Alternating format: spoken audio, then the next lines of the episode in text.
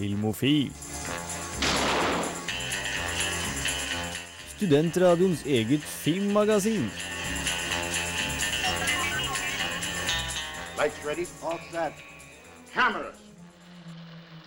Ja, hallo, hallo, og velkommen til eh, dagens eh, sending. Vi i dag her i Filmofil kjører en litt Litt avslappet stil, skal vi si. Vi har eh, senket eh, kanskje ikke lydnivået, men vi har i hvert fall senket eh, bordet. Og vi har funnet oss noen stoler. Og sitter helt bakoverlent her i uh, Filmofil. Det er, det er Film og chill-sending du hører på i dag. Vi skal prate om film, antageligvis. Hvis vi skulle følge i hvert fall temaet så langt i uh, Filmofils eksistens. Det er årets siste sending, og med meg har jeg Hans. Trine. Jan Markus. Frida. Mitt navn er Henrik. Dette er min siste sending, så det er uh, Det var, var på sin plass at jeg fikk lov til å programlede her, for Jan tar totalt over. det blir litt lengre stikk, stikk lengre i dag, litt mer avslappet stemning. eh, men vi skal begynne med litt musikk, selvfølgelig. Du får Antler med Antler. Vi begynner som vanlig med en liten uh, siden sist her i uh, Filmofil. Du hører på Radio Revolt, og det er uh, veldig avslappet stemning her i dagens uh, Filmofil. Uh, film og chill, film og, film og avslapning, om du vil. Eh, Fride er avslappet. Jeg er avslappet. Trine har føttene på bordet. Det er Så avslappet. Så avslappet. Siden sist, har noen sett noe? Har noen gjort noe av verdi i begynnelsen av eksamenstiden? Jeg har sett en film som jeg burde ha sett for altfor lenge siden. Um, 'Saving Private Ryan'. Nei, du har sett den? Endelig! og, og fy faen, for en film. Ja. Jo, men, men Jeg vet ikke, det, det var bare et eller annet med filmen hvor jeg tror, jeg, tro, jeg tror nesten aldri jeg har vært så innlevd i en film før noensinne. Hvor du bare, du, du bare sitter der og blir så jævla sånn Bryr deg så jævlig om karakterene og og, og er, jeg, jeg, er så inni det. For med, med mange filmer, um, særlig nå i det siste med mange superheltfilmer, så blir det liksom hele tiden sittende sånn Å, men dette er lurt, for når de gjør det, så kan de gjøre det seg. Altså, altså, jeg liksom distanserer meg litt legger fra det. merke til verktøyene, liksom. Ikke sant? Men, mens her bare forsvant alt det ut. Og jeg bare, jeg bare, jeg bare satt og på en måte lot meg drive med filmen. Jo, fordi den filmen er jo, er jo veldig der. ikke sant? Det begynner Ja. med denne introen som er noe helt annet, og så går vi tilbake i tid og kommer rett til Normandie. Og der er filmingen laget Altså, kameramannen løper med Tom Hanks opp. Liksom, det spruter sand og spruter kuler, og folk dør rundt av Veldig sånn immersion åpning av Ja, filmen. ja, men den begynner å bli litt gammel, den gjør den ikke det? Hvor kom den ut da? 99, tror jeg kanskje. Var det så, har den holdt seg, eller? Jeg tror den har holdt det Den har holdt ikke seg som faen. Ja, for den er sånn film jeg bare har vært redd for å se. Ja, for du hører så mye sånn Du har ikke sett den ennå? Nei, jeg har ikke sett den. Og du hører veldig sånn eh, Den er så bra. Du må liksom Det er «Å, krigsfilmen». Du, ja, se den, fordi du, å, du kommer til å elske den. Og da syns jeg alltid det er litt skummelt å se. For Og det er faktisk sånn, se den, ja. for, litt fordi man har de forventningene. Ja. Så du sier at jeg kan ta sjansen? Ja, altså, altså fordi litt Mitt utgangspunkt var jo det at jeg ikke egentlig er så glad i krigsfilm. Så jeg hadde på en måte ikke veldig stor Eller jeg, jeg var litt forberedt på å bli skuffet. Eller, eller forberedt på at bare, nei, Jo jo, det er nå en grei film, men det er nå bare et eller annet. Så, så jeg, jeg, på en måte, jeg likte den mye mer enn jeg trodde jeg kom til å gjøre. Hva var din anmeldelse, da? Hvis du skulle anmeldt den som en ny film? Altså, det er, det er, det er denne, den er, det er denne regissøren som du har hørt litt om, Steven Spielberg. Denne, han, han, han Tom, hva var det han het igjen? eh, Det er ganske kjent skuespiller. Tom, ja, et. Hanky noe. Tom, Tom, Tom Hanks. Altså, vi, vi, vi, får, vi får da dette unge stjerneskuddet Ja, Steven Spielberg, akkurat. som slo gjennom med indie-filmen E.T. Um, og nå skal han endelig da få prøve seg på storbudsjetts um, Storbudsjetts krigsfilm. Og dette har jo gått dårlig tidligere. Altså, du så jo regissøren som lagde for eksempel eh, Chronicle. Uh, gjorde det ikke så bra når han skulle prøve seg på det store. Han fyren som regisserte Monsters, uh, fikk plutselig servert um, hva var det, Terminator, Jurassic World, en av de store filmene i fanget. Ikke sant. Gikk ikke så bra. Nei, ikke. Steven Spielberg fikk det faen meg til. Han klarer å holde seg jordnær på tross av denne hypen som har dukket opp rundt han i det siste. Og så er det jo veldig gøy at han går liksom bort fra det litt mer sånn populistiske og publikumsvennlige, som den der lille indie-greia han lagde Schindlers liste. Ja. Uh, og på en måte lager noe som er litt mer snevert og litt mer krevende. Vil du, vil, så dere vil si altså, til oppsummering at vi ser ut til å gå inn i 2000-tallet med, Ja. med forhåpninger? Altså, altså, Jeg er jo veldig spent på den uh, nye filmen uh, han skal lage. Hvor, altså, altså, altså Han er veldig inspirert av Guardians of the Galaxy. Um, Og denne Starlord-karakteren, så den skal på en måte ta den karakteren, men sette den eh, på 2030-tallet en gang.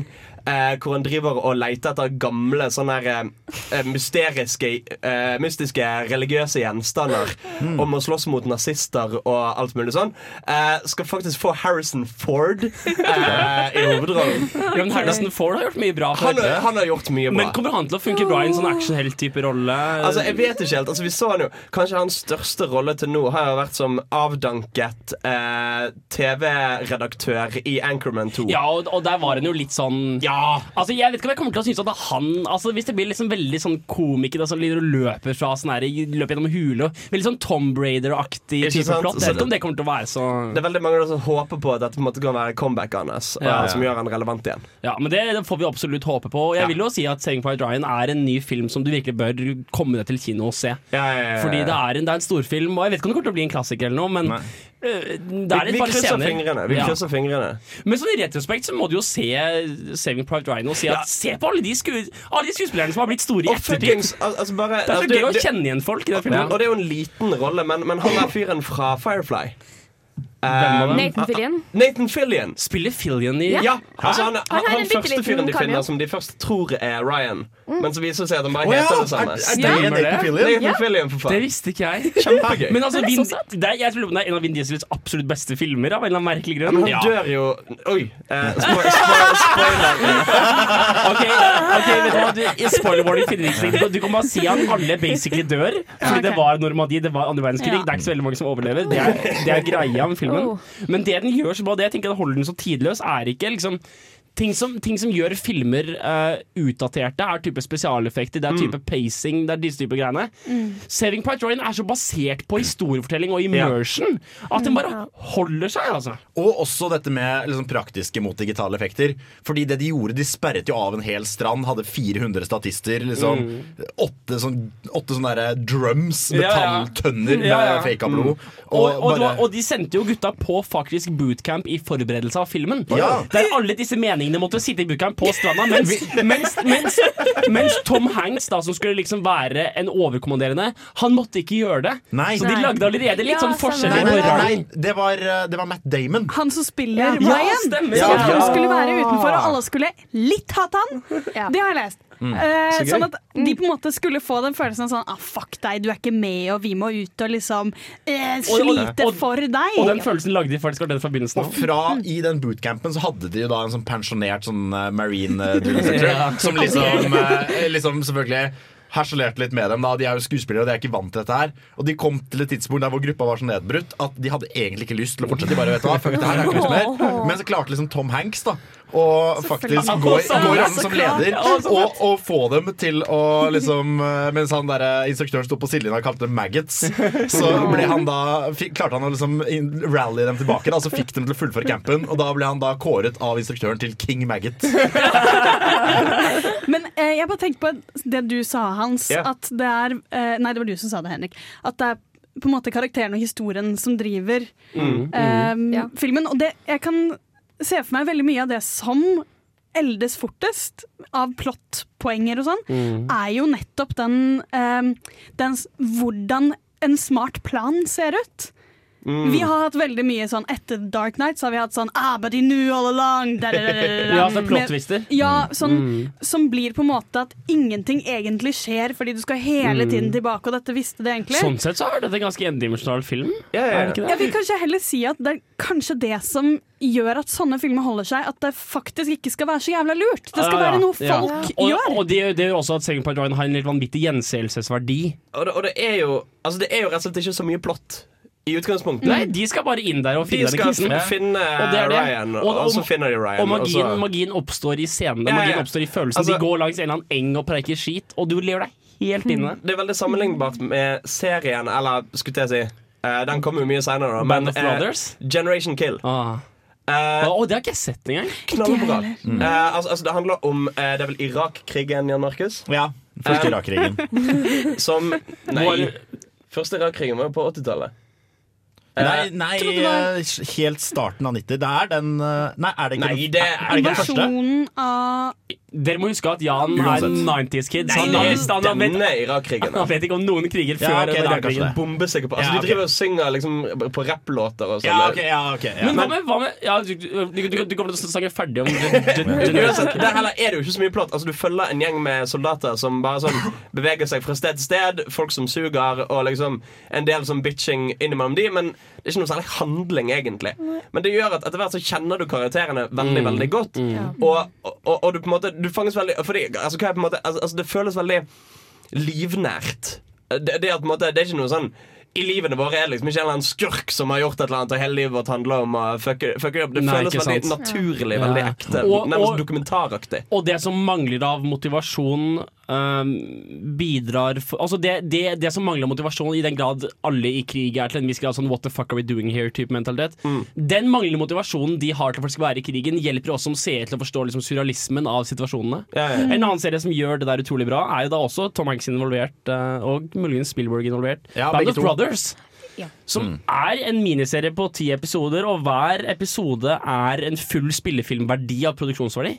Ja. Og jeg vet ikke om det var en av, en, av de, en av de første virkelig store seriene som gjorde den type sånn Sherlock-type timeslange episoder med vanvittig eh, pro pro produksjonsverdi. Ja, nei, det var jo Da den kom ut, så er jeg ganske sikker på at det var den dyreste serien noensinne produsert. og den, den har også holdt seg helt altså, jeg, når, jeg, når jeg skaffet meg en ny prosjektor med full HD, sånn, så lastet jeg bare inn den Blu-rayen og bare satt der i ti timer og så gjennom Band Band of For du hadde ikke sett Band of Brothers, Hans? Jeg har Hvis, ikke du, hvis du likte Generation Kill og likte Saving Pride så kan jeg garantere Ja. deg med 100% selvsikkerhet at du kommer til å like Band of Brothers. Vi skal videre til hva andre har gjort og sett. Først skal vi høre Hvitmalt gjerde med Ung og blank.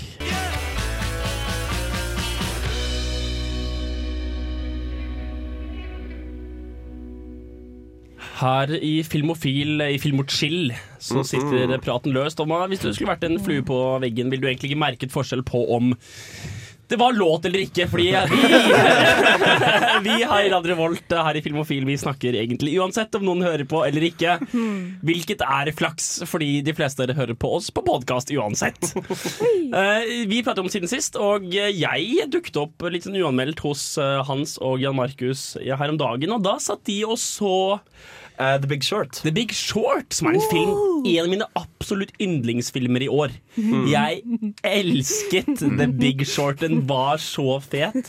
Ved siden av at temaet er kjempeinteressant, og at det gjøres veldig intenst av at det er en ekte historie, så er det laget på en så kul og fresh måte, altså. Og det som var veldig gøy, som var på en måte den sosiale dimensjonen for oss dere som satt og så den også, var å prøve å forklare For Hans. for, forklare for Hans uh, som ikke tror på penger fordi han stemmer rødt. Uh, ja, men, men jeg skjønte jo ikke en drit av det. Nei, nei. Takk, Så, det var ikke bare meg! Hans, kan du nå bare prøve å oppsummere med to setninger Har vi tid til hva, okay, okay, okay, hva ok. gjorde? Uh, basically, de folkene som ga ut huslån, ga eh, oppdiktede penger til folk som diktet opp hvor mye penger de kunne betale tilbake. Og så fant alle ut Å faen, alle pengene er oppdiktede. Det fins ikke noe ekte penger her. Og så gikk alt til Bare før Martin Osnes bry- bryter seg inn i- studio og slår deg ned. Så, så eh, vi, vi, eh, vi hadde det veldig gøy i den filmen, bortsett fra at vi måtte stoppe sånn hvert tiende minutt. Og så-. Og så prate til Hans helt til Hans sa Faen, ass! Kapitalisme er dødt! Altså, det skal jeg ikke legge skjul på. Jeg er ganske ganske langt ute på venstresiden. Og jeg blir jo ikke mindre det av. Men det var så bra film. Altså, Christian Bale spiller dritbra. Ja. Alle spiller dritbra. Og så minner den veldig i fortellerstil på en måte om de første ti minuttene i The Wolf of Wall Street. Ja. For det er er det er veldig mye sånn er veldig mye direkte bryte den fjerde veggen og sånne ting. Ja, for det, de- det, det de gjør veldig bra i den filmen òg, er jo at de, det det virker som de har veldig god følelse på når er det du som ser, begynner å lure på noe. For eksempel det er mot Altså sånn Siste tredjedel av filmen, eller noe sånt så reiser Steve Carell sin karakter seg opp på en eller annen sånn konferanse og stiller liksom kritiske spørsmål og skjeller ut fyren som snakker. Ja. Og så stikker han. Og så Og, og, og da snur snur Ryan Reynolds seg til Nei. Ryan Gosling. Ryan Gosling. Gosling, yeah. mener jeg. Eh, og bare sånn "Det- He- Dette skjedde! He really did that. He asked that question and then he took the call. Og da satt jeg jo og tenkte Vent litt, gjorde han det i virkeligheten? Ja, Akkurat i det snurren. Ja, ja. Og så må jeg si at hvis du likte The Big Short, så må du bare fortsette filmkvelden med å se Margin Call. Og dette har jeg sagt hver gang noen har tatt opp uh, The Big Short. Men Margin Call, altså. Det er fra en annen litt, det er samme situasjonen fra en litt annen vinkel. Det som skjer i Margin Call, er at du har en, eh, en bedrift. Og egentlig i begynnelsen så møter vi bare han Zachary Quinto fra eh, Heroes. Og eh, han Fra eh, Heroes. Ja, Heroes, ja. Og han Hero? Hero? Heroes? Heroes. Hva sa jeg? Heroes. Like the sun and morning. Ja vel. Uh, I hvert fall, da. De du møter bare han og han, han derre Hva heter han? Uh, Penn Badgley fra eh, Gossip Girls. Ja. I hvert fall. I hvert fall. Eh, og, og, og disse, de, disse to Dan! Dan. Ja, Dan, ja, stemmer. Det er Dan. Ja, I hvert fall. I hvert fall. Kan vi komme tilbake til Dan? I hvert fall, all, all handlingen skjer innad i dette firmaet, og disse to gutta, eh, Zachary Quinto, oppdager at det er et eller annet galt, et eller annet galt, og så går de oppover stadig oppover i hierarkiet i dette bedriften. Så først du møter liksom uh, Paul Bettany, som er liksom deres sjef, som går videre til Kevin Spacey, som er deres sjef, og så går ender Det er som sjuende far i huset. ja, Bare ja, ja, ja, nå skjer det akkurat der. Og eldstefar i huset er Jeremy Irons, som da skulle holde en sånn helt nydelig monolog i en sånn stort møterom. Og hele serien er sånn derre skumring, sånn derre klokka fire om natta-type lys. Så hvis du, hvis du har sett Big Short, og så er klokka blitt sånn to om natta, fortsett å se Margin Goal. Fordi det er en fantastisk film, og det er igjen veldig sånn stemningsfilm. Har noen sett noe, andre, noe annet? Har noen uh... Jeg og Hans uh, har sett enda en film sammen. Nei, det gjør dere noe annet. Vi så uh, Inside Man fra 2006. Det er også en, selvfølgelig en finanskrisefilm. Nei. Nei. Eh, nei, det er med han der Kisen. Clive Owen. Washington. Og Clive Owen. Clive Owen. Ja.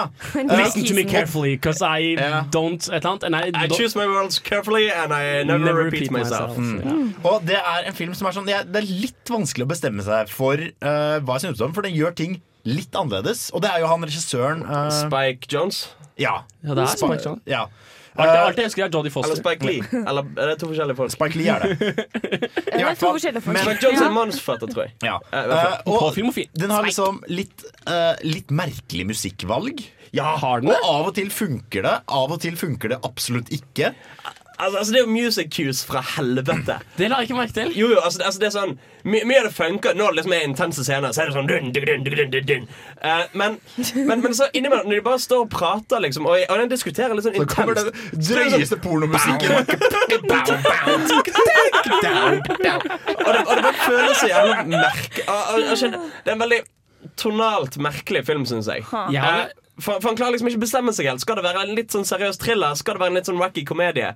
Eh, han klarer ikke engang å bestemme seg for liksom hva karakterene skal være. Altså, altså det er på en måte bare sånn Så får du at manusforfatteren bare har sittet og hatt en viss tanke om hva slags personlighet folk skal ha. Og bare sånn å, men Det hadde vært tidlig om han sa dette, da selv om det er noe den karakteren ikke egentlig ville sagt. kanskje Ja, og så er det det, er liksom, det som er kult, er jo plottet og på en måte planen bak alt dette her. Og man måtte begynne å skrelle av flere flere lag og se at alt er planlagt. Eh, så er det en ganske kul heist-movie. Men det er, liksom, det er så mye små detaljer som jeg ikke helt klarer å sette pris vet om jeg setter pris på fordi det er annerledes, eller om jeg vet om jeg ikke liker fordi det er annerledes. Ja. Fordi altså, altså Plottet i filmen er jo at du, du har Clive Owen, som er bankraner, Og en gruppe med folk. og en gruppe med folk.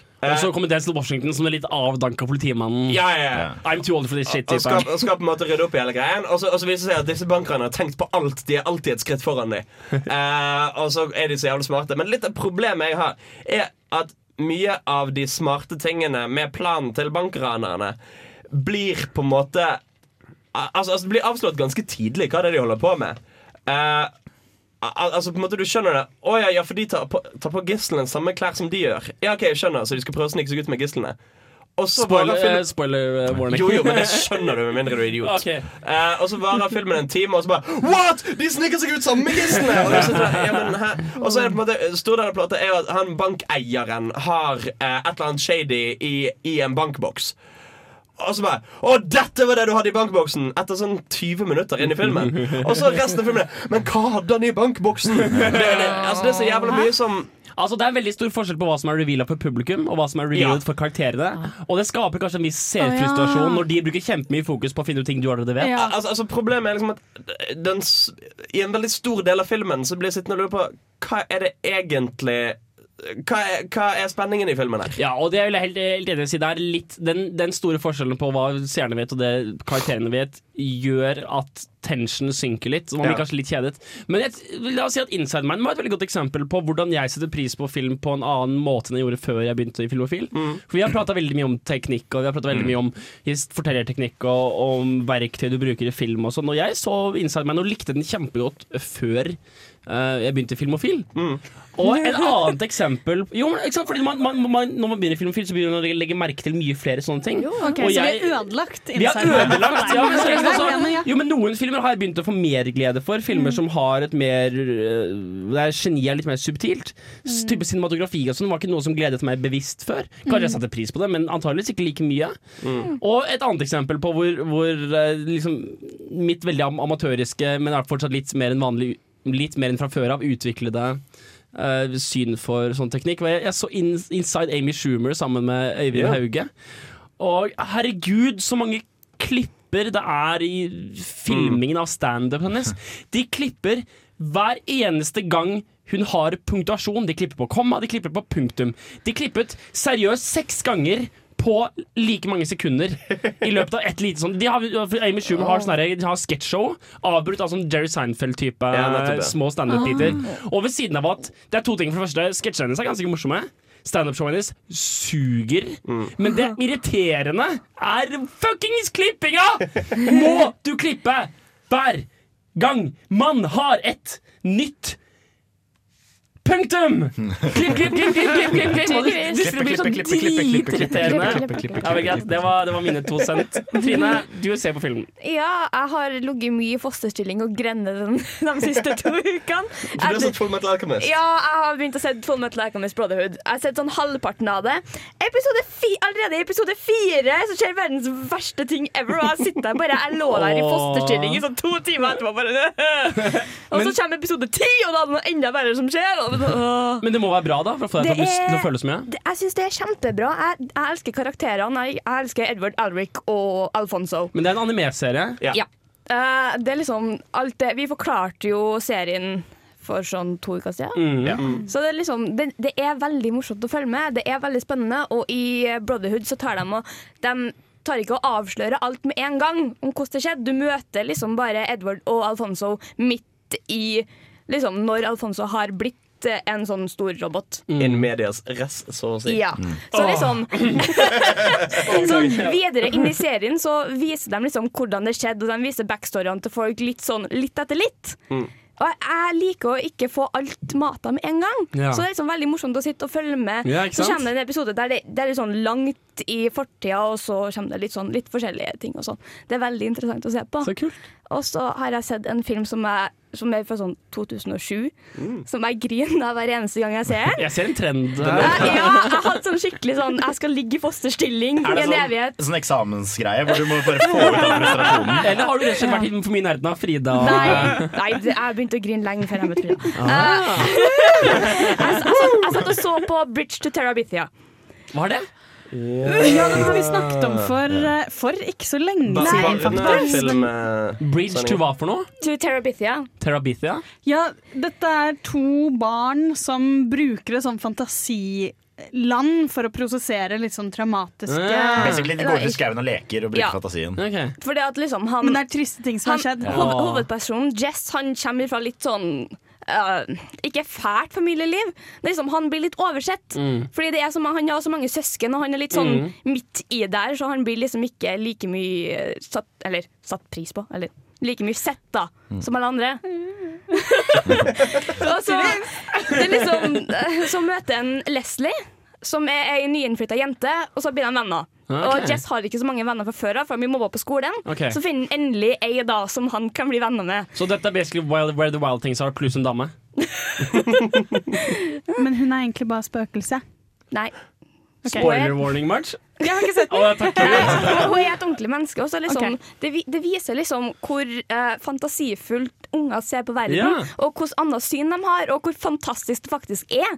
Har, har noen apropos Det var in, et inspirerende forslag der, Trine. Har noen sett den nye Lille prinsen, eller hva faen den nye kinofilmen heter? Nei. Ikke Nei, sett. den kommer ikke før neste uke, tror jeg. Å ja. Never mind. Vi går til låt, vi.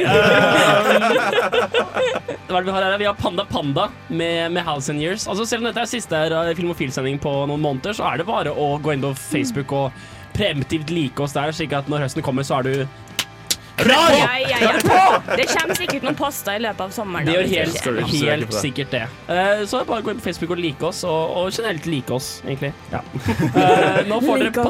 Panda Panda med House and Years her på Radio Rolt.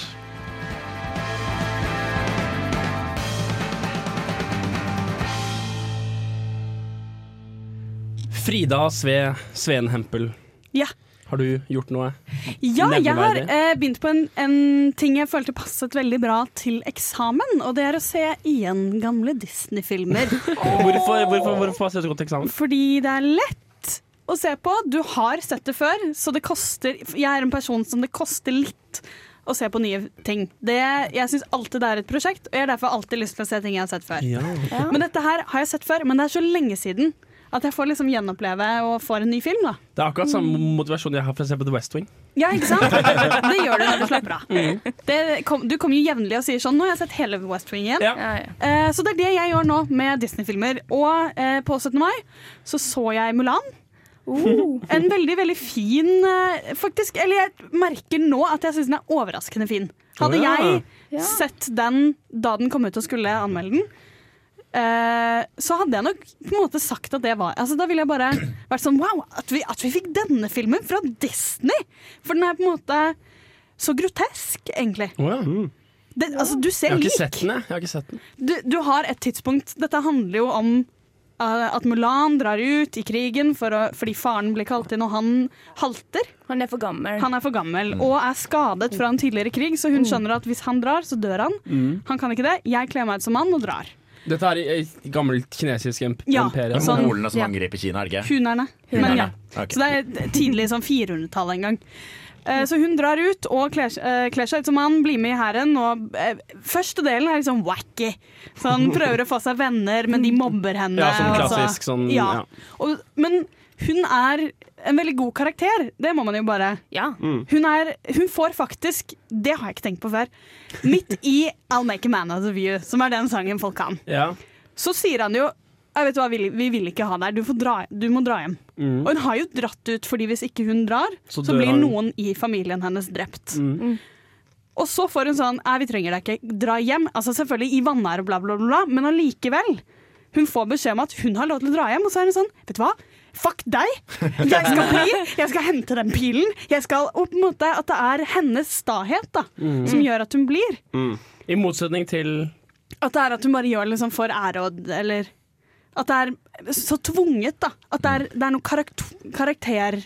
altså, altså, Du tror på hennes motivasjon, da, på en måte? Ja, men jeg tror det ligger i henne. Mm. Det, vi ser nå på en sta person i stedet for en person som blir tvunget inn i Ja, noe. ok, Hun er ikke bare bare offer, offer, offer. Ja. Liksom. Ja, Nei, men ikke det hele tatt. Hun er veldig, veldig ta Men det jeg syns er kulest med Mulan, er at det er en veldig klassisk Det har jeg kanskje sagt før, men det er en veldig klassisk Disney-film fram til de kommer til en gammel slagmark. Og der stopper de midt i sangen, og etter det så er det ikke en musikal. Fordi idet de møter krigen det. Så stopper sangen, og så synger de ikke mer. Mm. Og Det er helt sant. ja, og fordi det, det er ikke sånn litt sånn fader ut. Det er, Det er sånn bare bop. bomp. og det er ikke noe, og det er ikke noe Og det jeg bare kjente når jeg så den nå, sånn der, hvor bra det er at han ikke går sånn 'Min far er død', la, la, la. Mm. At de på en måte bare De tar det så seriøst. Ja. For nå la jeg merke til det at det ser ut som det er en ødelagt landsby, og så ser du litt nærmere, så er det sånn Oi! Det ligger masse lik Mm. rundt omkring, spredd ut i snøen. Det er rett og slett en skikkelig sånn oh shit-moment. Å ja! Og det merker jeg at jeg syns det var så fint at en barnefilm kan vise vold som så grusom. Ja, det er samme med Mushu. Mushu stopper jo opp litt. Han, han han er ikke like sånn wisecracking og sånn som han er i starten. Han bare mm, Ja, jo, fordi det, det har de gjort så bra. Sånn der, når ting blir seriøst, så vil ikke engang han. Nei, Som er sånn ja. Da er det noe ille! Når ikke han tuller, da Å, herregud. Altså Det er den irriterende lille dragen. Han er ikke irriterende, jeg elsker Mushu. Mushu er en person som, eller en karakter som splitter. Det har jeg opplevd før, at folk ikke liker Mulan. Det er En annen ting som jeg bare må si er at den har noe sånn synt-soundtrack til tider. Det, ja, de jeg så det med, var sånn Oi, dette her har ikke liksom holdt seg like bra. Men jeg reagerer med fullt sinne sånn Fuck det, du sier ikke det om Mulan. Men de har litt rett. Det er et øyeblikk der hvor musikken har, hva skal du si, bare eldes litt. Nei, men det er jo det er veldig, det er veldig fett å se sånne filmer som man tenker kanskje er litt klassiske. da Det er lett å tenke at eh, Mulan er litt sånn uh, Pocahontas, bare noe annet, en annen kultur. Og så ser du gjennom og bare Å ja, det, det skjer faktisk. Å ja. Hmm, spennende. Har, du sett, har du sett noe annet, eh, Frida? Jeg har uh, ja, en annen Disney-film som jeg har sett. Selvfølgelig. uh, Robin Hood. Hvilken av dem? Ja. Den Disney-filmen. Hvilken er det? Med reven. Med Med reven. reven. Ja. Oh my god! Det er den or or originalen i an an an ja, anførselstegn.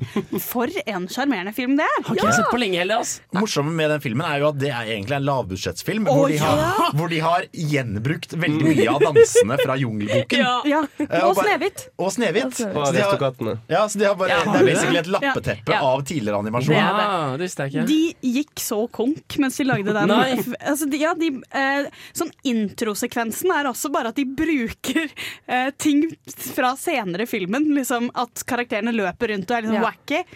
Men det er bare Det scener er samme fra filmen. scenen, det er samme tegninga, liksom. Den hanen Jeg er så glad i den Ja, han er hanen! så, men det er en det Den er så chill! Veldig chill, og det er bare en veldig god bruk av musikk. Mm. De har ordentlig fin sånn folkemusikk. Også, men det de gjør veldig bra, er at de bygger karakterer på null tid. De klarer å tilføre Robin Hood, som er en ganske kjip karakter, vil jeg si. Eller litt sånn fortalt til døde, da. Sånn Ja, ja, ja, ja. han er grei, vi henger med. Og så er han ikke spesielt likende egentlig heller. Han, nei, han er litt sånn selvgod og Ja, litt sånn kanskje frekk. Og litt sånn, han er ikke sånn veldig god i hjertet. Han er mer sånn 'jeg vil gjøre dette her fordi jeg er dødskul'.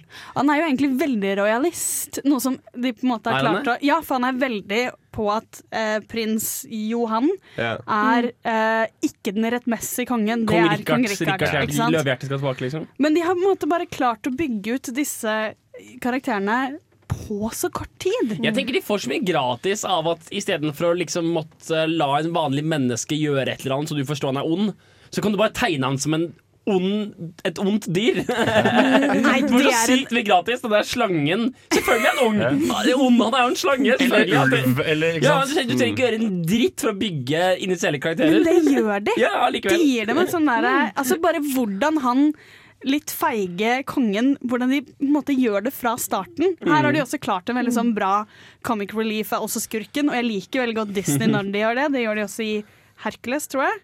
Jeg syns det gir noe ekstra. Og Hades. Hades, kjempeflott.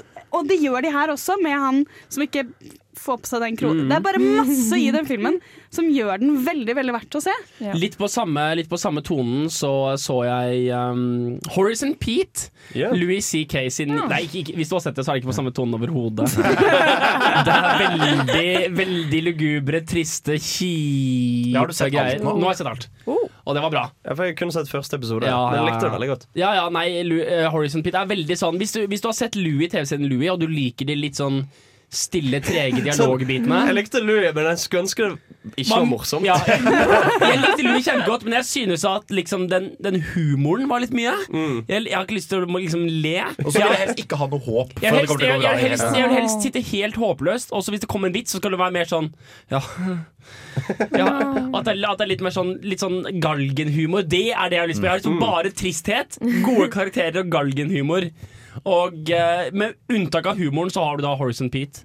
Uh, som er da det tristeste, kjipeste ever, som Louis ikke hadde fått med seg. Uh, Steve Buscemi og Alan Alda og Edie Falco og masse kjente um, Altså Stephen Wright sitter alltid ved baren, og masse kjente gamle comics. da Og det er veldig interessant, fordi de lagde det bare løpende. Og han ventet med å skrive en del av dialogen til uka der de skulle filme det. Slik at det er masse som er veldig aktuelt, sånn presidentvalget Nesten sånn og South Park. Uh, ja, litt sånn. Litt sånn. Og så- Og så produserte han det selv og ga det ut i løpet av en uke. Ga det bare ut på sin private side. Mm. Så liksom lydmiksen i første episode er litt sånn all over the place. Og det er, del ting som er, ikke, det er noen få ting som ikke er helt på topp, men altså det er noe av det helt vanvittig. Det er en episode som begynner med at en dame forteller en historie om en seksualopplevelse med faren eller bestefaren til kjæresten sin, og hun forteller den historien, og det, det skjer ingenting annet. Det er en single take på sånn 15 minutter, kanskje. What? Og hun, hun, hun, hun bare snakker. Og det er, det er helt vilt. Du sitter liksom med halvåpen munn og bare Hva skjer? er dette Er det Er det Er det Er er det, er det her en del av The Horizon Peter? har vi bare bytta oss? Hva er det som skjer? Men er det bra? Når, men når de prøver sånne ting, er det liksom Altså, Er det bra? Jeg vet ikke. Det er ikke, det er ikke bra på sånn underholdningsmåte, nei. Det er veldig ulikt meg å like den serien, men det er bare fordi jeg er så glad i Louis C.K. Mm. Du bare gir han liksom ah, det, Dette må være bra, Ja, dette ja. her. Jeg gir han så mye å gå på at jeg etter ti, episo- etter ti episoder så er jeg litt sånn ja, jo, ja. Så første seks episoden er på en time, og så er resten Eller første fire episoden er på en time, og resten er på sånn ish en halvtime. Men i at han ikke trengte å forholde seg til noe studio eller reklametid, eller noe som helst, så bare laget han dem akkurat så langt som de på en måte han følte at de burde være. da Så han kunne ha en fri, full kontroll i edit og masse sånne masse. Jeg tror vel det den gjør bra, er genuine øyeblikk. All dialogen er ikke nødvendig sånn kjempegenuin, og alt er ikke kjempebra, men det er noen øyeblikk i den TV-serien som er helt sånn Den tar tak i deg, altså. Mm. Og masse, masse gråting. Hvis du har lyst til å se Louis C.K. gråte, så er det bare, å- bare, bare å kjøre på. Vi skal eh, gå fra det til litt eh, musikk. Ja da! Apropos eh, Horizon Pete sin bar, så får dere nå eh, As He Said med Get Me Drunk. Get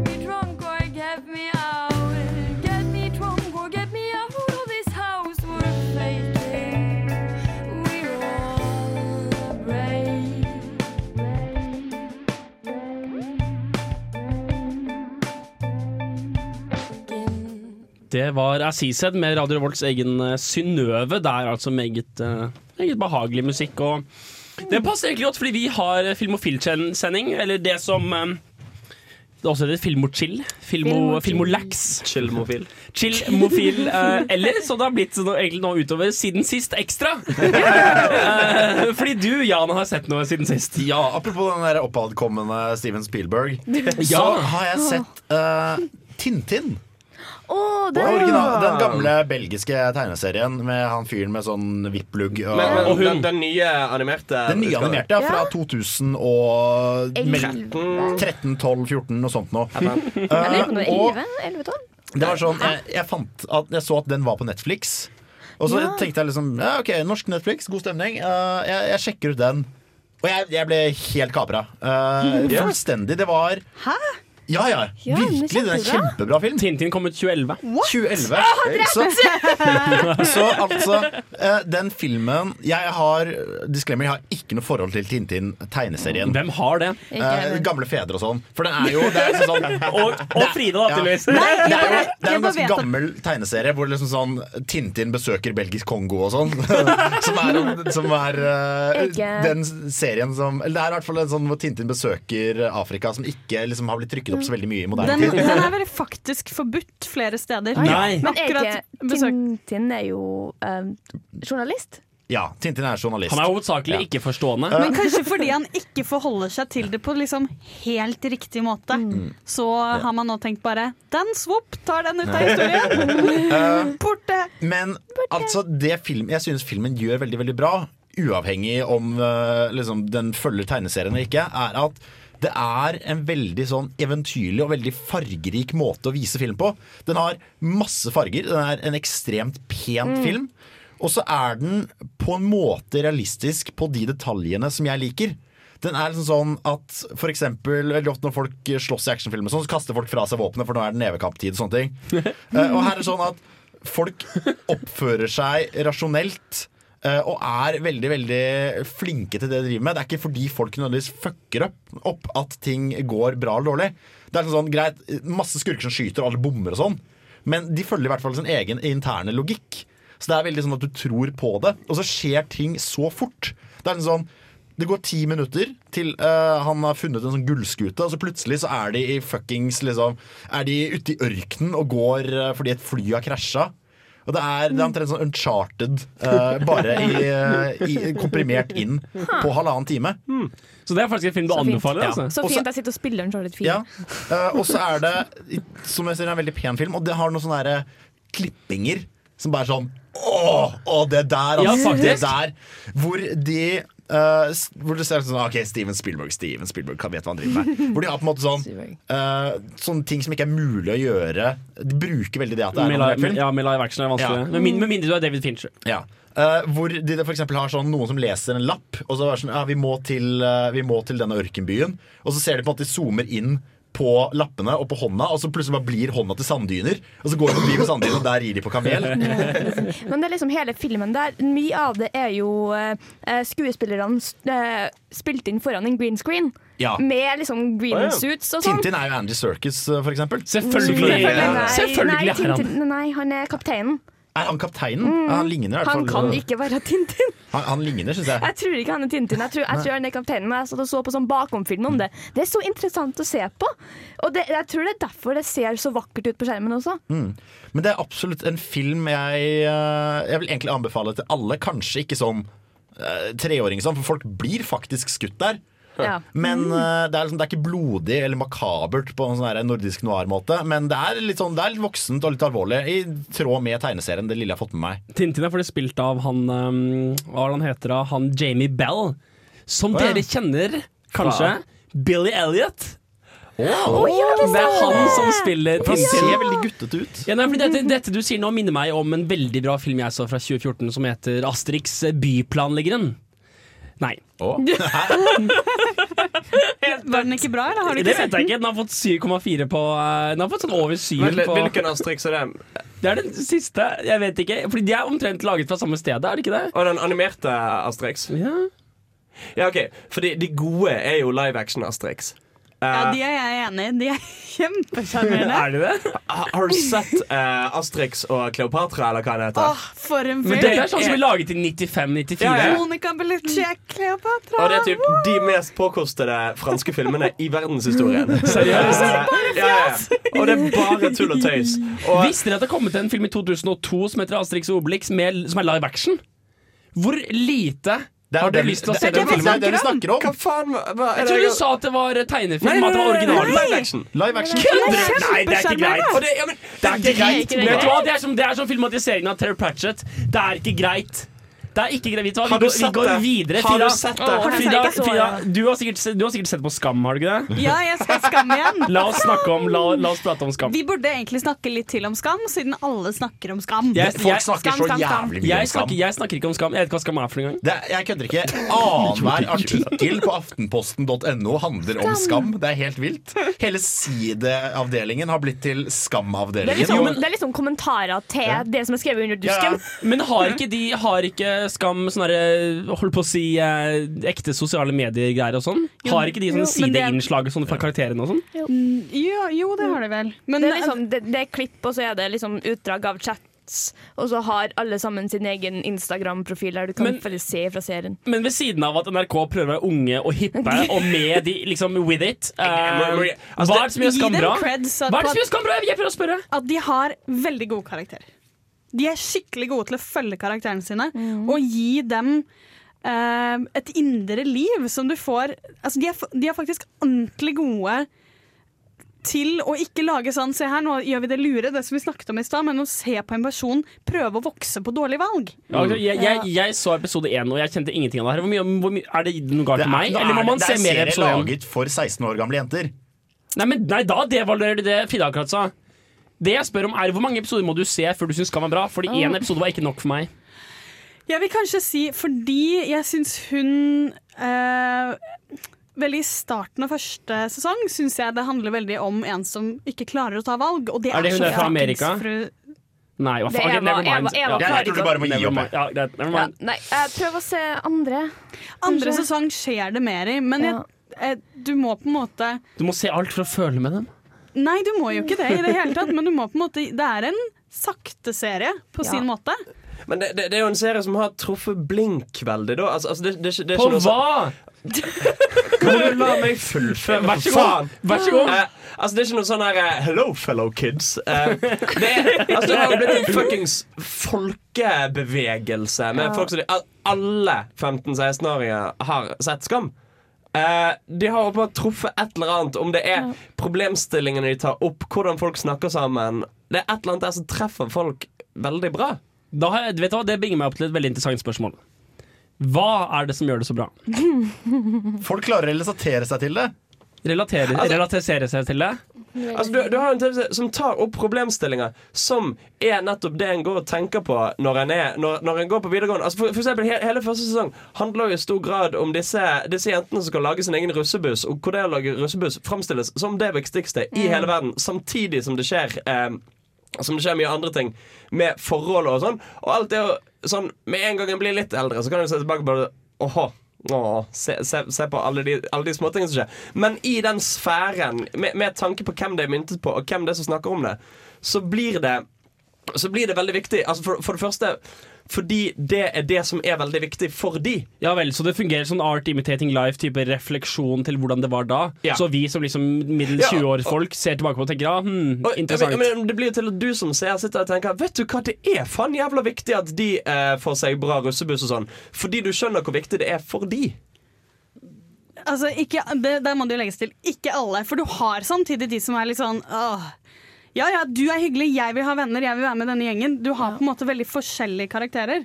Men jeg syns på en måte å si at dette handler om hvordan 16-åringer opplever verden, og at de dermed treffer bare 16-åringer. Ta litt ut det at det er en veldig bra serie som er veldig god på å la karakterene sine få leve. Ja, det, er, det, det er gode skuespillere, da, med andre ord. De er gode til å bruke skuespillerne. Jeg vet ikke helt, jeg vil gjerne se dem gjøre noe annet, men de fungerer så godt som ungdom. Ja. De er Ja. kleine og keitete på samme måte ungdom er. Det er jo fordi at de er skjerma fra NRK, da, at det er ikke så mange som får vite noe mye om dem. Og så er det jo også dette med at Jeg sier at den er, serien er laget rettet mot 16 år gamle jenter, men det betyr ikke at den ikke har en verdi for andre også. Folk fra liksom 11 til 75 sitter jo og ser på den serien og digger det.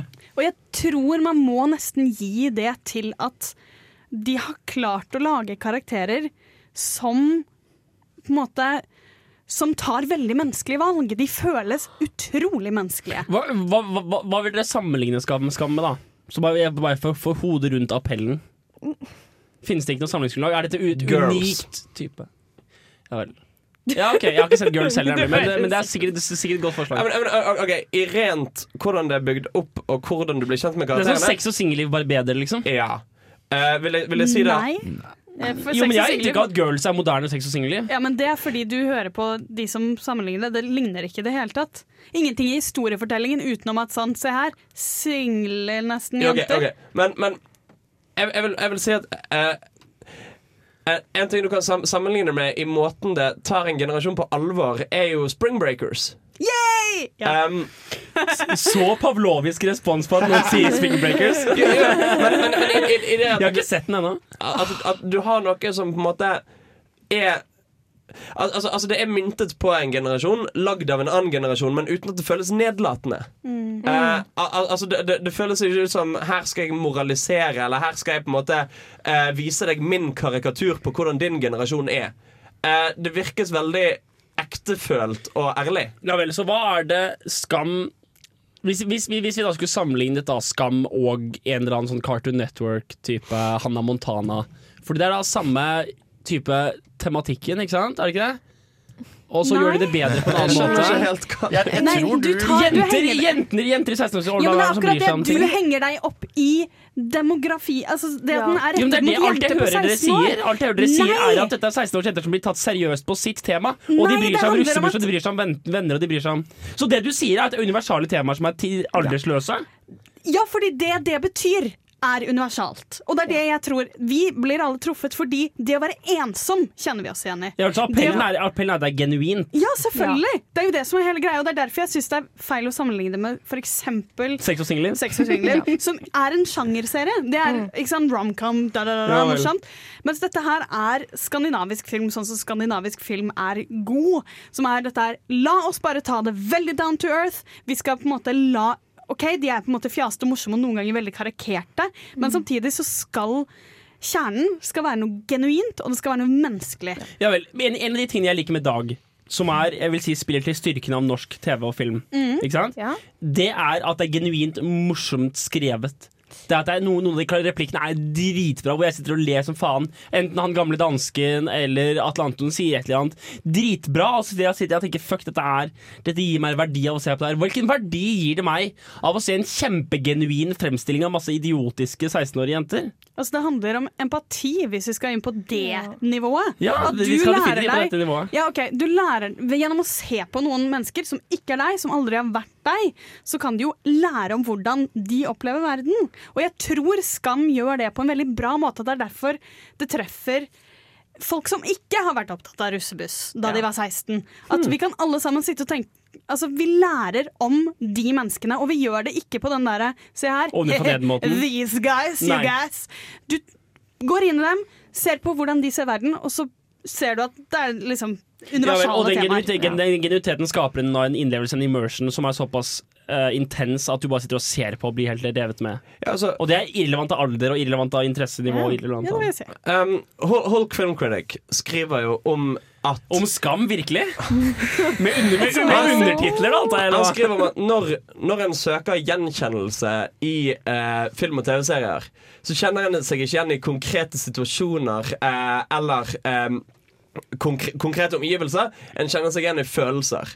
Eh, en kjenner seg igjen i ønsker og behov. Um, altså, faen. Uh, for eksempel, jeg, jeg kunne sette meg så jævlig inn i um, den filmen jeg snakket om tidligere i dag. Saving Private Ryan. Ryan. Saving Private Ryan. Jeg har aldri vært i krig. Jeg var ikke født eh, under andre Ja, det er verdenskrig. et godt poeng. Eh, men likevel satt jeg og følte så jævlig på det de følte. Eh, det er jo fortsatt en situasjon som er helt vekke fra noe som helst. Jeg, jeg er ikke eh, 30 år gammel og ute og skyter og ser vennene mine dø som fluer rundt meg. Men likevel kan jeg kjenne meg igjen i det de går gjennom på det emosjonelle planet. Ja vel, Så det jeg hører, da, er det genuiniteten som gjør det ekte. Og det, det var en bra setning. Takk, takk til meg. det jeg hører, er at Skam er Saving Private Ryan møter eh, Bergensbanen minutt for minutt. For Det er ikke snakk om noen som er i livsfare. Det er ikke snakk om å redde noen langt inn i franske okkuperte områder. Det er ikke snakk om noen viktige ting overhodet, men det er kjempeekte. Ja, for nå har du naila essensen. Nå har okay, du ja, ja, men bra Da kjører, vi på med litt uh, Maja Vik. Med, uh, dette var lærerikt, syns jeg. Jeg, jeg er veldig fornøyd. Uh, Maja Vik med Natural Selection. Du hører på Ropofil her på Radio Revolt.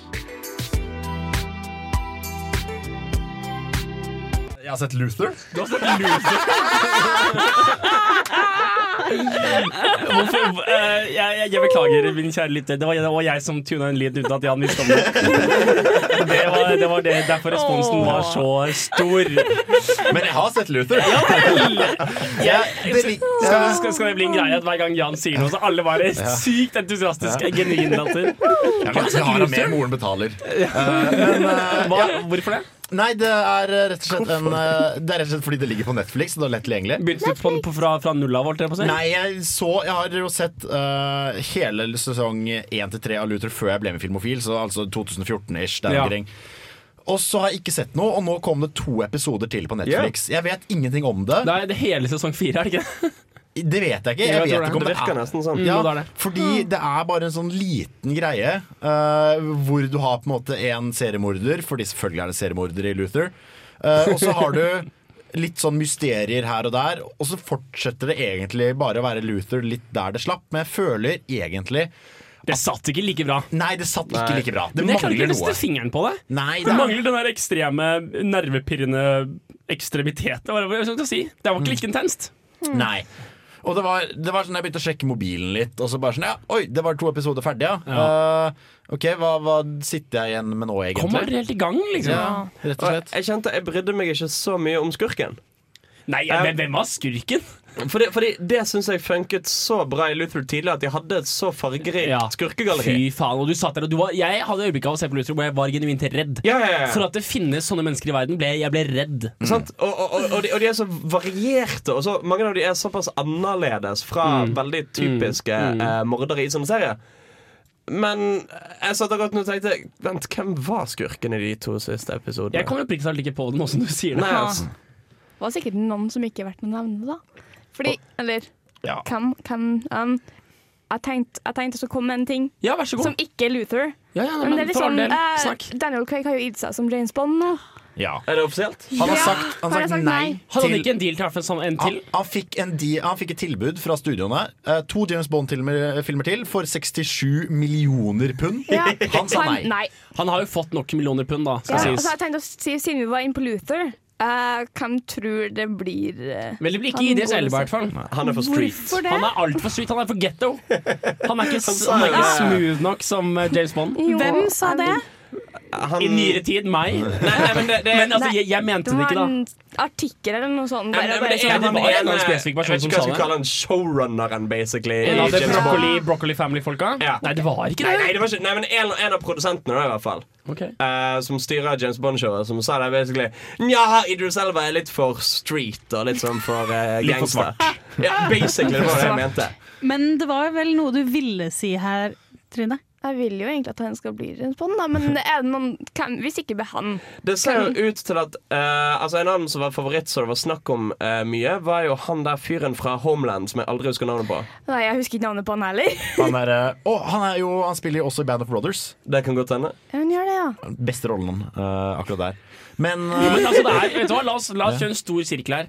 Alle de beste rollene til alle disse folka som var med i på Saving Private Ryan, har blitt store i ettertid. Og var drit... Okay, never mind. Eh, Det var en Horowitz som har skrevet noen Ian Fleming-bøker. Han har skrevet noen Bond-bøker. ja. Det var Horowitz, og det var ikke noen av Broccoli-folka. For de er ikke dumme nok. Nei. De er ikke dumme nok til å si noe sånt noe høyt. Jeg kunne gjerne tenkt meg Tom Hiddleston, egentlig. Tom Hiddleston. Han har jo i hvert fall sjarmert en hel verden Ja, med å være men- britisk. Han er litt Han for spinkel. Ja, Han Ja, men det er akkurat det de kan bygge. Altså, kan de sånn de trene opp. hvem Jo, har han jeg- jeg- For meg så er han litt for Men Shakespeare-aktig. de kan jo også bare sånn lage en ny James Bond. Bare, liksom, bare gå bort Jo, men- fra Daniel Craig og alt det der Fordi- og få en litt mer spinkel Jo, men det gjorde de jo fra, fra, fra, fra Sean Nei, fra Eh, faen. på, det er Men, Brosnan. men, men, men Pierce Brosnan til Daniel Craig var jo et sånt brudd. Ja, men da kan de jo gjøre det igjen nå. Jo, men nå har de jo laget en ny Frank Nå har de laget en ny kanon, har de ikke det? Med. Casino Royale var var en begynnelse på en ny kanon. De kan ikke begynne en helt ny kanon igjen nå. De har lagt et grunnlag som de skal fortsette på. Så de må ha noen bånd som er litt som, Ja, men- man, man, som man kunne tro på at gjorde de tingene som førte frem til dette øyeblikket. jeg lurer på om Bond var bare kodenavn. Hvis de går med det at det er bare Ja, kodenavn, så kan de Nei, for det. det har de avkreftet. Nei, har de det? Nei, men I Skyfall så går han og ser på gravstenen til foreldrene hvor det står en sånn Miss and Mrs. Bond. Jo da. Så Sant der det. tok de den nesten ut, selv om det var på vei til å bli canon. Og jeg tror faktisk noen av de nesten showrunnerne som skriver, var det sånn Ja, mulig. Hvem vet? Kanskje det er kodenavn? Men Tom Hiddleston ser jo rett og slett for skurk ut. Altså, jo! Jo, han gjør det. For- for Det sa de om Daniel Craig også. Nei, nei, nei. nei. Jo, det Gjorde gjorde de de. det? De gjorde kanskje det, men, men Daniel Craig har jo Du den der be- beefcake-looken.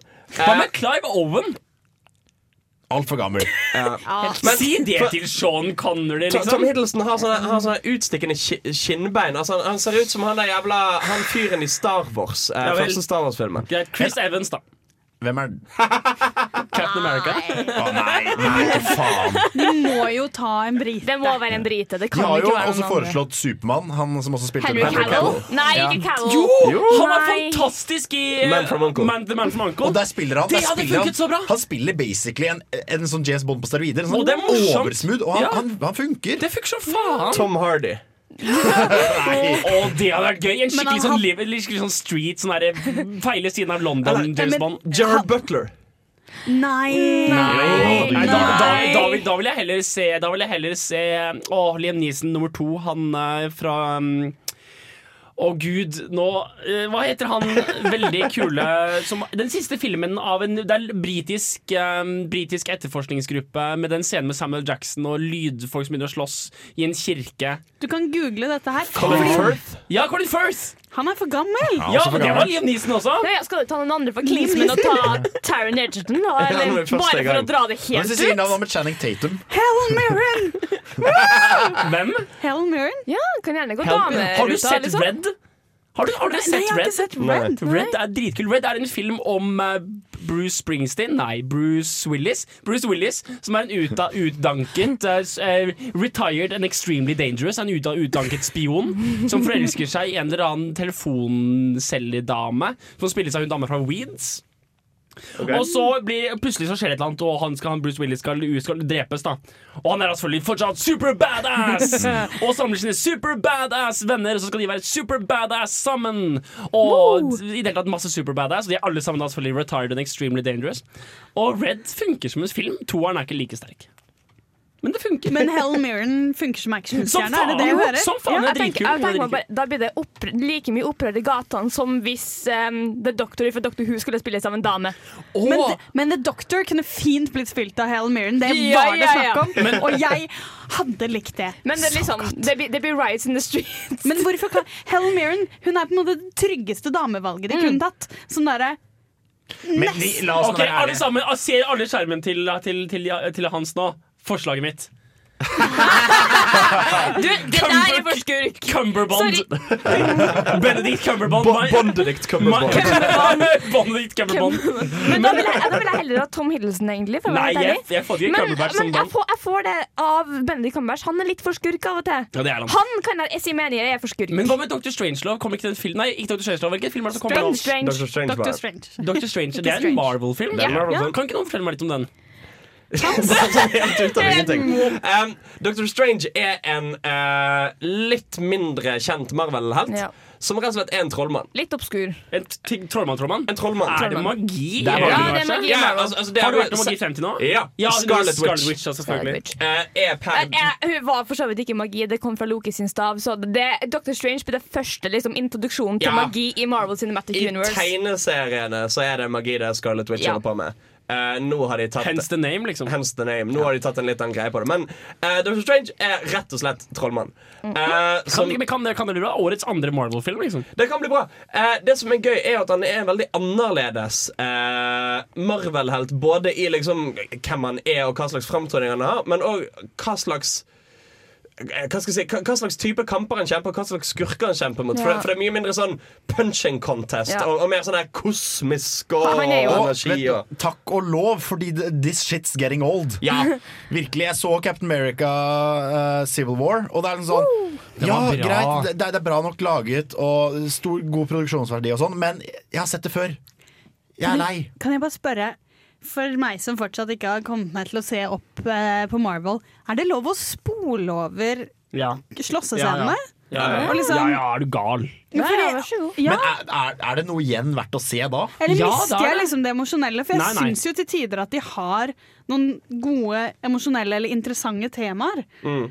Og på en måte, Jeg er veldig redd for at de skal være i kampene. For Hvis jeg da spoler over kampene, så kanskje jeg mister litt sånn vakre øyeblikk. Det du gjør, at du ser på de VLC. Og altså vi- vi- 1,5 hastighet. Ja, du ser på de 1,5, for da Lyden går ikke opp i pitch. Det er det vel ser kult med Du kan se video i høy hastighet uten at du forandrer lydpitch.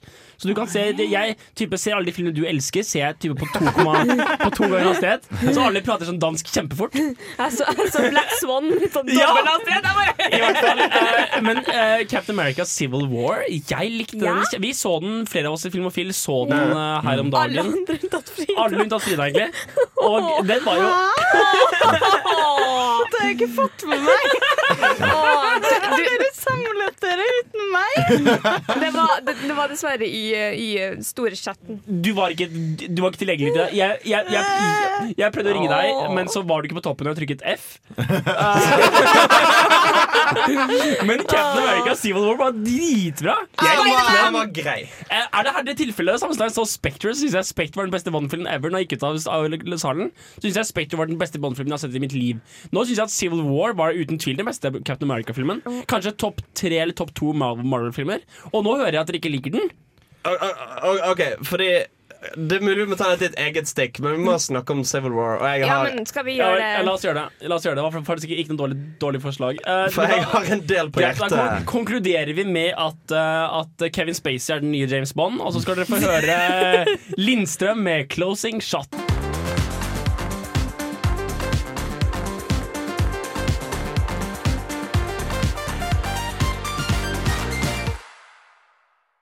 Velkommen til uh, stilletimen her på,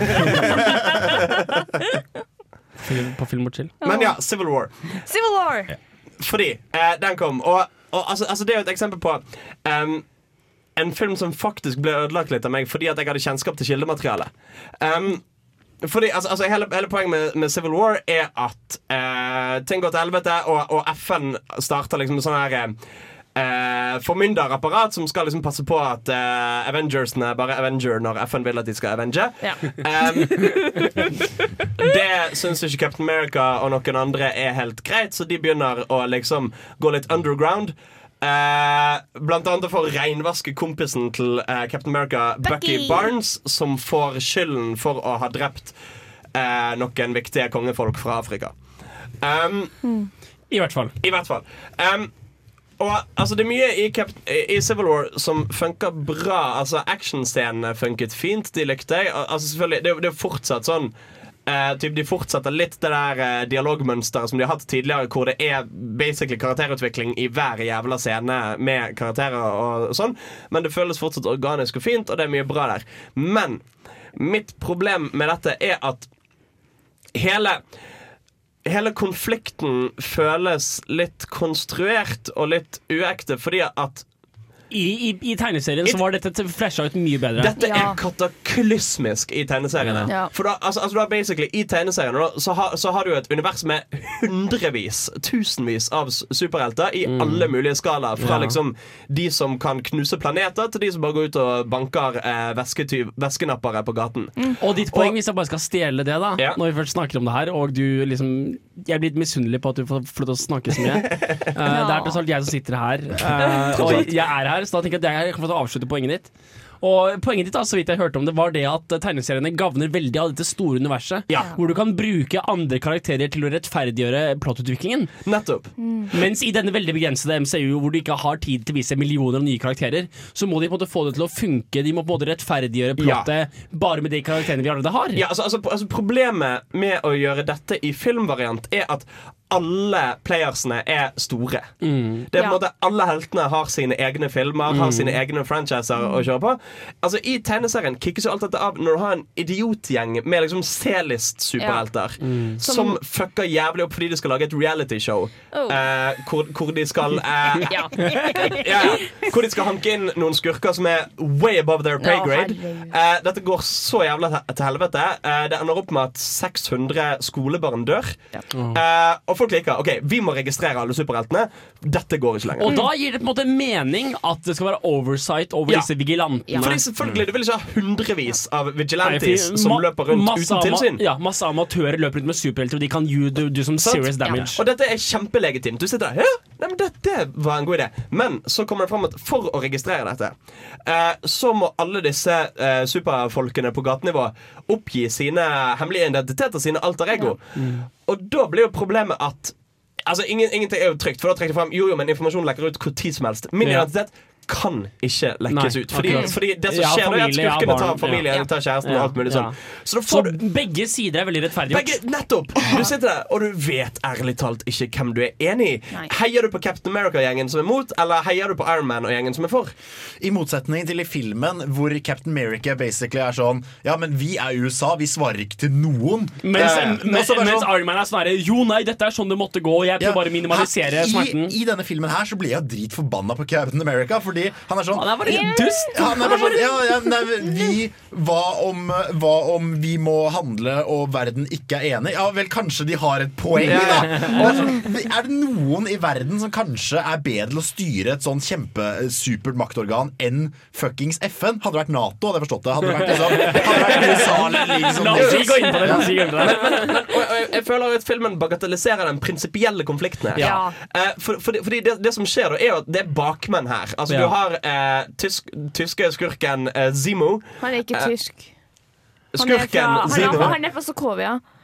Sokovia-skurken eh, Zimo. Men altså, altså Tyskland, altså, Sokovia, altså, Der han var i Avengers Age of Ultron, når han mista en by i bakken. Stemmer. Skurken Stemmer. Zimo, eh, som, driver og trekker, Tyskland. som driver og trekker i trådene og manipulerer. Eh, Captain America, Mye av grunnen til at Captain America ikke føyer seg dette, til dette, er jo at han må prøve å renvaske kompisen sin. Mm. Og ikke bare kan si til kameratene sine at Yo, det, OK, ok, dette er en misforståelse. Kan vi bare sette oss ned og snakke dette ut? Ja. Så hadde hele konflikten vært vekke. Ja. Og, og, og, og, og det blir på en måte Da blir problemet at Altså Det er litt det samme som i Dark Knight Rises. Hvor du har en tilsynelatende ideologisk konflikt eh, med basically 99% mot eh, 1 og hele den greia der, så viser det seg at Bane bare var en, en sånn jævla puppet som ble styrt av noen skurker, og da river du all legitimitet til hans argument eh, ut fra under beinet på han. Og da blir det så sykt sånn i denne filmen her at jo, men hele denne problemstillingen var ikke en ekte problemstilling fordi det var noe annet som lå bak alt sammen. Altså, i, eh, det, det er ikke bare det de gjør med Bane, men det er jo også sånn Men se her. De er slemme. Ja. Alle stjeler. Så det går ikke. Vi må ha 1% Og så har de på en måte bare liksom vasket litt sånn greit over Ja, nei, det er ikke noe problem med klasseskille i USA. Men, men poenget er at denne prinsipielle ideologiske konflikten er så interessant i seg sjøl og, Ja. og ha, skaper så god grobunn for godt drama og gode actions. Det er noen fantastisk kule actionscener i, i tegneseriene. Eh, med, med Inni hodet ditt, mener du? Basically. Eh, med, helter, som slåss, og det er så emosjonelt, og det er så, du vet ikke hvem du skal Ja, heie på. da det klimakset hvor det er faktisk Civil War, det er alle disse superheltene mot alle disse superheltene, det er faktisk et klimaks med betydning. Ja. Mens når vi ser på det på filmen, så er det mer sånn Yay, de klarte å samle alle i ett rom. Tenk deg hvor mye dette koster i timen å lage. Men det, der igjen er det jo en liten detalj med Marvel-filmer som jeg har klaget opp fra Hans, og han mener det er helt idiotisk. Men det er en ting som plager meg. Det er det at når de slåss, så Ja, slåss de ikke fornuftig. Ja, det er jeg veldig enig. Fordi Captain, Det er jeg det er sånn, okay, Uh, eh, Captain America skal slåss mot Iron Man. Iron Man kan fuckings fly, og han har laservåpen. Men der kommer jo til Batman-Superman-argumentet. da Herregud, hvor Ja. utrolig knust Batman hadde blitt hvis bare Supermann hadde prøvd en gang. En gang. Ja, og der kunne de ikke funnet på en eller annen grunn da Ja. til at de kan slåss ordentlig. Fordi hvis Iron Man lander på bakken, tar av seg hjelmen og begynner å slå Captain America, så har han gitt opp all fordelen her. Han kan, Ja, ja. han kan fly to kilometer opp og blæste av med laser, og så er det ferdig. Ja. Ja, det er liksom det problemet Jeg har litt samme problem med det. Jeg har lest tegneserien sjøl. Og det er liksom alle som må gi opp sin identitet i den tegneserien. Men det problemet vi har i MCU, nesten alle sammen vet Ja. hvem de forskjellige superheltene er er. Så du får jo ikke den tingen i, i filmen i det hele tatt. Og så når jeg fikk vite om liksom, liksom Civil War kommer, det er liksom bare Spiderman, kanskje? Mm. Ja. Og så Spiderman Og det blir funka bra. jeg skulle ønske det var noe litt sånn tegneserie Den som skjedde i tegneserien. Men Spiderman eh, den Tom Holland er den beste Spiderman. Men altså, det er jo rart at For nå har de jo bygget ut etter hvert Hvis du ser liksom utenfor film, så har de jo et større en større verden. da. De, de har, har- veldig mye sånn fjasesuperhelter på TV. Yeah. Yeah. Litt sånn, Jeg ser, driver jo og ser Jessica Jones. Ja. Ja. Sakte, men sakte, men sakte, men sikkert. Jeg vil ikke bli ferdig. Å, fy fader, jeg syns Nei, det er Jessica så Jones, og de har. Daredevil. Og, Og hvorfor de ikke kan dra Eller Agents of Shield, som jeg har fulgt med på, og som er ordentlig fjaste og litt dårlig, Mm. men samtidig interessant i den derre Hvordan blir vanlige mennesker ber berørt av Dette fins ja, dere. det er sant. Dere har sett guder. Hva gjør vi da? Eh, nei, vi prøver å liksom eh, få bort litt sånn Men stort sett blir det ingenting. jo, jo, men altså, på en måte, dette er helt hvordan vanlig Eller de er Ja. jo ikke Og, og, og, den, og, den, og den der vanlig, vanlig, van, vanlighetens respons på hva som skjedde i New York, blunk, blunk. Uh, det Jo, men- det jo, men- burde vært en større faktor i Captain America Civil War. på en måte Ja, for det er det at de har det jo. At det er veldig rart om de ikke drar Altså henter mer fra det. Ja, helt, helt enig. Ja, for jeg vil påstå at dette Rett og slett, Civil War kom for tidlig. Ja, Um, fordi Egentlig. dette, altså, per det universet vi har etablert til nå, så er det to av 30 superhelter som faktisk har en hemmelig identitet. Det er Daredevil og Spiderman. Alle, alle andre er mer eller mindre offentlige eh, personer. Jo. Og Hulken? De fleste vet at det er Bruce Banner. Ja.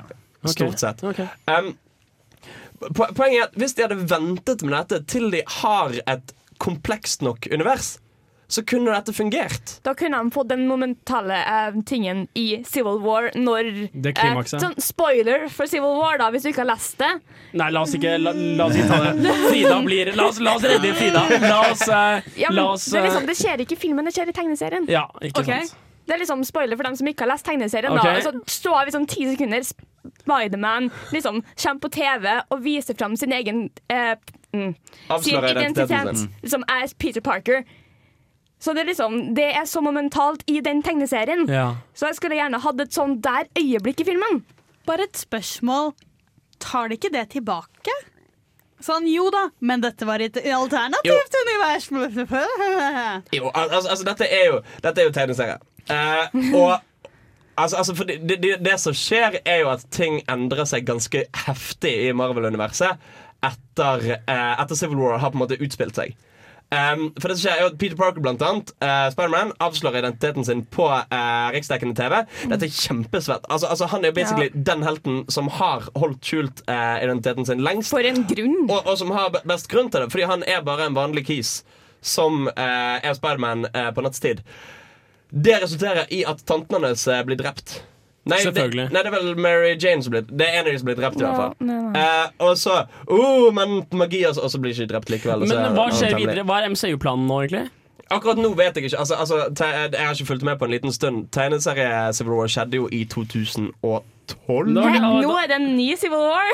Oh, nei. Secret Civil War! Secret War, La oss eh, undersøke litt hva som skjer videre så vi også hører i mellomtida på Death by Unga Bunga med Strangers from the Sky her på Filmofil.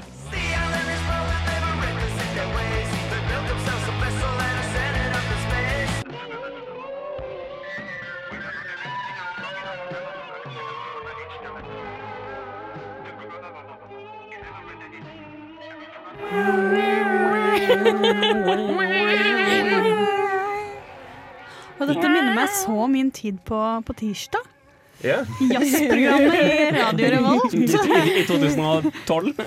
Det er ikke så Jo, det er så lenge. Men fall Høsten 2013, faktisk. Beklager. Det var eh, et år med å bli spilt musikk som jeg virkelig ikke skjønte for, og prøve å uttale meg om det etterpå. Det var veldig fint. Så hva vil du si om, eh, om denne Jeg pleide å gå til drømmetydning hvis jeg ikke hadde Nei, noe ja, Så pleide jeg å liksom gi litt sånn følelsen av uh, hva jeg følte musikken betydde. Og dette her minner meg egentlig om å gå gjennom en gang som er veldig sånn lang. Man ser ikke slutten av gangen. Og så på en måte skjer det noe i alle rommene ved siden av deg. Skjønner dere hva jeg mener? Ja. Du ser inn, men du går veldig Du har veldig den framoverdriften. Litt sånn Kubrick-aktig? Ja, litt sånn Kubrick-aktig, egentlig. Sånn, hvis alle rom, dø, rommene hadde vært åpne når han lille gutten syklet rundt gjennom gangene, og så ser du liksom eh, sånn korte glimt av scener gjennom dørene. Det følte jeg da jeg hørte på denne sangen. Den filmen ville jeg sett. Ja, ikke sant? Ja. Dere hører jeg kan dette her. Litt paprika. Veldig paprika, yeah. faktisk. Paprika. Hva var paprika for noe? Paprika er eh, den gode versjonen av Inception. Ja, det var den, ja. Japanske ukas hjemmelekse-filmer. Ja, stemmer. Forrige sending. Beklager, jeg, jeg hørte ikke på. Jeg var ikke med, sånn. Fuck that noise. Fuck that noise, liksom. Skal, skal dere ta opp noen nye til høsten, eller? Uh, vi må jo nesten gjøre det. Ja, dere blir, dere blir, dere blir bare fire. Det blir jo oss fire når du forsvinner. Så kanskje ta opp en, en ny person. Da er, det da er dere to gutter og to jenter, så da trenger dere ikke å kjønnskvotere. Så hvis du som lytter der ute tenker at dette kunne jeg gjort minst Yay. like bra Så fuck deg! Så du nå har det Nei, men det er bare å søke via samfunnet. Ja, vi er opptaket til eh, Radio Revolt, og dermed eh, Filmofil, Det blir vel i slutten av august. i slutten av august, og det er gjennom Samfunnet. Så det er samfunnet.no skråstrek opptak. Yes. Og for å søke om du er i Trondheim, men vi er åpne for det. Stu- Student er jo òg en Det eh, er også bra. Bare sånn for helt ærlig, det er ikke et alternativ å være i Trondheim. Du må være i Trondheim. Vi Tenk om vi kunne laget sånn eksperimentelt med Skype. Nei, og for i det- så så hadde jeg fortsatt vært med, Ja. og så hadde Bård Hestad vært med, og så hadde Jens Erik vært med. Nei, men øh, Hvis du har lyst til å være med i Filmofil, hvis du liker film, liker å snakke om film og eh, Liker oss. Liker oss. Ja, du trenger ikke å like meg, men, øh, men øh, hvis, du, hvis du tenker at du har noe å bidra med, så er det bare å forberede et eller annet. Opptaket er ikke oss til oss direkte, det er til radioredaktør, så derfor er det bare å møte opp og gjøre et inntrykk. Så skal vi grille deg med filmspørsmål. Ja, det er, det er veldig koselig og ingenting å være redd for alle som søker for intervju. Så det er bare å søke på Filmofil til høsten der, altså. Ja. Men Radio. Nei, film. det er en film som har premiere på fredag, som jeg og Jan Markus har vært og sett. Hvilken da? X-Men Apocalypse. I 3D? I 3D. Fuck yeah. Stemmer. Var det, Stemmer. var, det, var, var det dubbet til norsk også? Nei. Um, Var det en bra film? Hvilken tidsepoke er det? D- Den er grei. Han Fortsetter foregår på 80-tallet. Så den fortsetter der hvor Origins slapp? Der, der hvor Eller hva eh, faen det Days of forrige het? Future Past eh, Ja, slapp. Fordi nesten alt annet er jo ikke-eksisterende. Ja, for, for altså, altså Det, det, basically det, det er Tids, reboota. tidslinja har pult seg sjøl. Nei, det, det, er ikke, Takk, takk, Trine. det er Takk. ikke så komplisert som en skulle eh, tro. Det, det som har skjedd, er jo dette er jo X-Men-film nummer sju. Noe sånt. Én, to, tre, origin. Origins uh, Origin. Den, den. Ja, nummer er sju, nummer sju. Og um, altså det som har skjedd i mellomtiden, er jo at i Days of Future Past, så den forrige X-Men-filmen Har ikke sett, ikke spoil. Å, du, det er for sent. Jeg Det jeg skulle til å er for gjøre sent. Det er faktisk altfor sent. Ok, jeg blir, jeg blir nødt til å spoile den filmen. Eh, eller, altså det, den handler om tidsreising og alt mulig sånn. Og det som skjer der, er at gjennom å påvirke hvordan enkelte hendelser utspiller seg, eh, så, så eh, å, det Kommer de inn i en alternativ tidsrekke? De retconner, som det heter. For faen. Eh, Retroactive counter Nei, eh, con... uh, retroactive Continuity. continuity. Ah. Så basically de sier fuck alt som har skjedd, vi starter på nytt. Eller i hvert fall Store deler av det har nå aldri skjedd. En del av det kan komme til å skje, men det vet vi ikke Og. Days of Future Past slapp akkurat idet han gamle skalledekisen bestemte seg for å bli han gamle skalledekisen. Men han var fortsatt unge, Ja. han ikke-skallede-kisen. Så nå har vi da altså, altså samme gjengen, bare på 80-tallet, mens de fortsatt er noenlunde unge. Men Wolverine derimot er forbløffende lik. Wolverine er forbløffende lik. Om Mulig litt eldre. ja, men det er Redcon, det er lov. Men, men, men, men i hvert fall. Um, det som skjer, er at uh, en sånn blå fyr eh, som heter Apocalypse em, Var det derfor den het X-Man Apocalypse? Ja. said the name of the movie. Jeg trodde det skulle være en apokalypse. Okay. han, han, han meg. begynner å si 'jeg skal ødelegge hele verden', og så reiser X-Men-folkene ut og gjør at han ikke klarer å ødelegge hele Ja, verden. Ja, Det er basically filmen. var den bra, da? Fordi du, jeg, jeg, fordi jeg husker at du og jeg likte begge veldig godt uh, Silver Lightning, eller hva faen han kisen heter. Silver Surfer. Nei, Hva heter han der sølv... Han superraske kisen? Quicksilver. Yeah. Quicksilver. Yeah. Jeg var inne på noe. Ja, han er kul. Ja, og, og, For han var kul i For- Days of Future Past. og. Quicksilver har to sånne scener i denne filmen. Dobbelt så mange! Og det, funker, det er det, spør du meg, det beste i hele filmen. Ja, selvfølgelig. Det var det beste i forrige også. Det funker dritbra. Um, To sånne scener? Ja, Men du har ikke sett filmen, Frida? Bare sitt ned og bare ikke si noe. altså, du, du har den ene mutanten Quicksilver som kan bevege seg kjempefort. Og disse scenene da hvor vi ser det fra hans synsvinkel, hvor han beveger seg i noenlunde normalhastighet, og alt annet beveger seg supersakte. Det er dødskult. Og så Og altså, han- er morsom mens han gjør det. han liksom Han går, han går Nei, nei, forbi pistolen. la, la oss ikke fortelle mer. Men er det sånn som i den filmen som ingen Ja, så, Mm. uh, Dread? Der har de jo et sånn type okay, For der har de vel et dop som gjør at alt går i slow motion, Nei, som de bruker ikke. for å liksom skyte folk, og så Mm. ser du bare Nei, det- kulen det- gå sånn sakte, sakte, og hodet eksploderer i veldig, veldig slow tenkes. motion. Så noen chappy! Ja. ja. Var den bra? Nei, jeg tror ikke du Fordi de der folka sine musikkvideoer er fucking De mind... Ja, de Antwoord. Av og til så bare ender man opp med å se på en De Antwoord-videoklipp, og så blir man, enten, man- blir man sittende i sånn der meta-univers og se på det i et kvarter. og så kommer du ut på andre sida som hulken og bare Hva faen skjedde? Ja. Hvor, hvor, hvor er jeg? Men i hvert fall. Um, I hvert fall. det som jeg opplevde som litt problemet med Days of Future Past, er at um, de prøver på en måte al al- Altså, dette føles fortsatt som en film som legger opp til det som skal bli filmen. Hvis du skjønner hva jeg Det er sånn, sånn transisjonsfilm. For, fordi Filmen. Marvel har jo gjort det lenge med liksom origin-filmene sine. Hvor liksom du får altså, solofilmene til superheltene. Sånn ble han superhelten. Og dette legger egentlig veldig opp til Avengers, typisk. Ja, vel, så det, det, Um, det de bygger opp nå, er en frame by frame reshoot av første X-Men-filmen.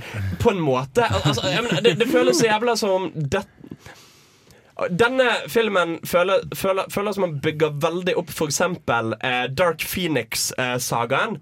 Um, som er en uh, historie fra det er vel 70-80-tallet. Jeg er ikke sikker nå borti der. uh, I X-Men, uh, hvor du har hun Jean Grey som kan flytte på ting med tanken, og som har en sånn svær kraft inni seg som kan Basically OP as fuck. Ja. men OP. Overpowered. Hun, hun er gul på jord. Hun har bare litt, sliter litt med tenåringsangst og problemer med kreftene sine. Eventuelt original poster. På jodel. Ja. Og, og det og det er for så vidt en jævla kul ting, men, men problemet er at hele denne filmen føles, føles ut som man bare legger opp til at det skal bli en greie. Og hvordan, hvordan ser du det i filmen? Er det mangel av Så, sånn du ser det i filmen er, altså, altså, for, for, for det første, altså, du har, du har den skurken som er kjempesterk, men vi vet ikke helt hva det egentlig er han kan.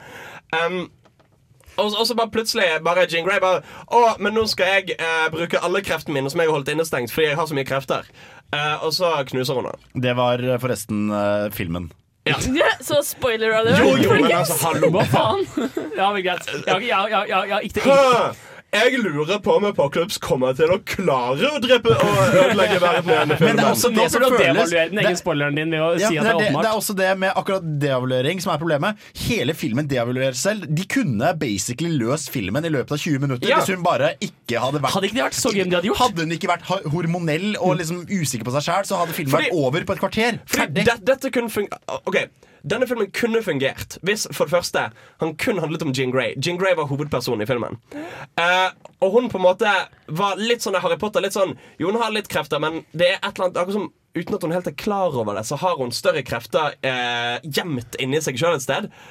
Og så på slutten så blir hun mørbanket eller et eller annet som gjør at disse kreftene som hun tidligere ikke har tilgang til, eh, lar seg slippe. Hun bare wrecker shit. Det kunne vært en kul scene. Men istedenfor så er hun bare en bikarakter i filmen. Ok, Så de, Um, de, de gikk litt på det litt sånn sosialdrama, Ja. eh, psykodrama. Og hele arken Fordi gre Greien hennes i filmen er at hun er litt rar fordi hun er kjempe, kjempekraftig og prøver å under undertrykke disse kreftene Ja. sine fordi de er for kreftige. Så møter hun en kjempe, kjempekraftig skurk. Og kommer unleash! Men hun gjør det ikke inntil helt til slutten, når eh, eh, Professor X sier 'bruk kjempe-kjempekraften din'. Ja, men Let it bruk go! kjempe-kjempekraften din! OK, kjempe-kjempekraft. Og så dør Kjempe, kjempe. kjempe-kjempekraftige Go, skurken. Pikachu! Det som er så frustrerende også, er at dette er etter at liksom Ting har blitt så fucked. Det er bare sånn, hvor, hvorfor ventet du så lenge? Hva i helvete? Why.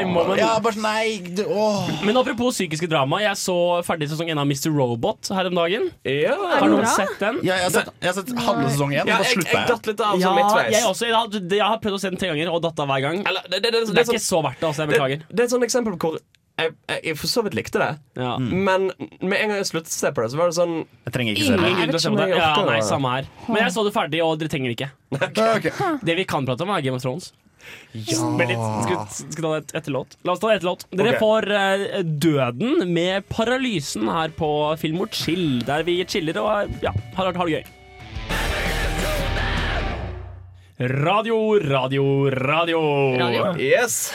Da er vi i vårt uh, siste stikk for dagen, men heldigvis betyr ikke det at vi er ferdige, fordi vi har, noen av oss, sett på Game of Thrones. Det stemmer. Og jeg har lyst å snakke litt om Game of Thrones uten å spoile Ja, noe. vi må Fordi nesten sesong seks er det ikke lov til å spoile, fordi Nei. den har nettopp kommet ut. Det har kommet fire av Det har kommet fire episoder. episoder av eh, Game of Thrones hvis du ser på HBO Now.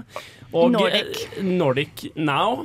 Now Nordic. Det er Nordic her, og så er det Now. Det er, liksom, det, now. det, det er Nordic her, og så er Now i USA. Ah, ja. Og forskjellen nå Jeg har, jeg har jo ikke sett noe Game of Thrones, så jeg har egentlig ikke så mye jeg kan spoile heller. Men forskjellen nå er jo at nå har de gått bort fra bøkene. Så selv folk som Ja, har det er lest bøkene, Det er kan ikke liksom stikke nesa i været og si 'jeg vet er hva som skjer'. det, det, det er en liten stund siden eh, han George uh, Martin sa ifra om at han ikke kom til å gi ut en bok før TV-serien kom ut.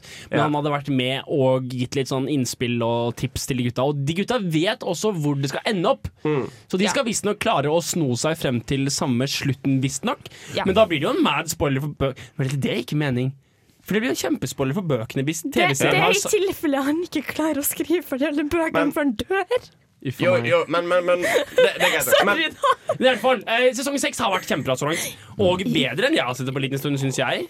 ja Du er kanskje ikke enig? det, det er en del ting jeg liker veldig godt i sesong seks, og så er det én ting jeg ikke liker så godt, som jeg syns er symptomatisk for George R. R. Martin sin fortellerstil. Fordi Og nå, nå gjelder det ikke spoiler. Nå gjelder det ikke. Bare beskriv følelsen du sitter igjen med. For, Hans, du må forklare det som en, som en, som en drøm. Som at du tolker en drøm. Hva med Som en gutt som ehm, sykler gjennom et rom og ser til sidene.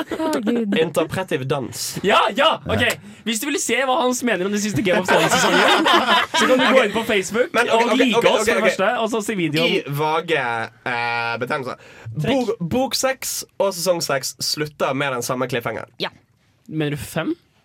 Jeg mener bok fem og sesong seks. Okay. Eh, slutter med den samme cliffhangeren. Mener du sesong fem og Sesong bok fem fem? og bok fem. Jesus. For Der, vi er men- sesong seks nå. Du har masse kombinasjoner til. Du mener ikke bok én og sesong fire, da? Det er dere sa. Bok fem, sesong fem slutter med den samme cliffhangeren. Ja. Ja. Den blir forløst i eh, andre episode. Det, går, det skjer for det første veldig fort, og for det andre så eh, tenker jeg at de, det er litt sånn Noen storylines har ikke kommet i nærheten av like, like, like, like, langt som bok fem. Litt av problemet mitt Ikke at det var poenget ditt, da, men Nei, overhodet ikke. uh, problemet mitt er at det i det hele tatt var en cliffhanger. Fordi um, Det som skjer i sesong seks, måtte skje. Det måtte for det første Ja. skje, og for det andre så har de spoila det som faen selv gjennom noen PR og dritt. Ja. Jo, jo, Som jo. et lite helvete, liksom. Ja, men hallo, Dette har jo folk visst siden bok fem kom ut. Det er sånn, Vi har jo egentlig visst det siden han kisen med ilden i bok tre. Oh, ja. Så Ja. po po poenget er det, ja, Alle vet hva dere snakker om nå. Dette var en cliffhanger som ikke var en cliffhanger, for vi visste alle hvordan det skulle gå. Ja. Had, og, og, og, Men de har heldigvis ikke brukt så sykt mye tid på det. Men, men du er i en sånn uh, kjip situasjon hvor på en måte du, du sitter og enten gjør de det vi tror de skal gjøre, og folk blir sånn Ja, nice, der fikk de det undergjort. Kan vi komme tilbake til Ja. det vi faktisk lurer på nå? Ja. Eh, eller så hadde de ikke gjort det. Det var sånn ja, men hvorfor Og det blir ikke én gang som når karakterer dør, eh, og, det, og det blir sånn wow! Men hvordan mener du dette er sym symptomatisk, som du sa, til Fordi- George fordi- R. R. Martin? Fordi, fordi problemet George R. Martin har nå, er at han har brukt veldig lang tid på skrivebøkene sine. Og det, Ja. Han er veldig flink til å veve sammen historier, Ja. og til å på en måte matche en følelse av et veldig levende uh, og organisk univers, Ja. med likevel litt sånn der uh, saga- og legendetrekk, type frampek. Og, Frampek og hemmelighetsfulle ting og mønstre som viser seg ja, etter hvert. Og sånn eh, Og så kommer det, det, kommer liksom åpenbaringer, og så må du liksom gå tilbake i bøkene og se etter dem.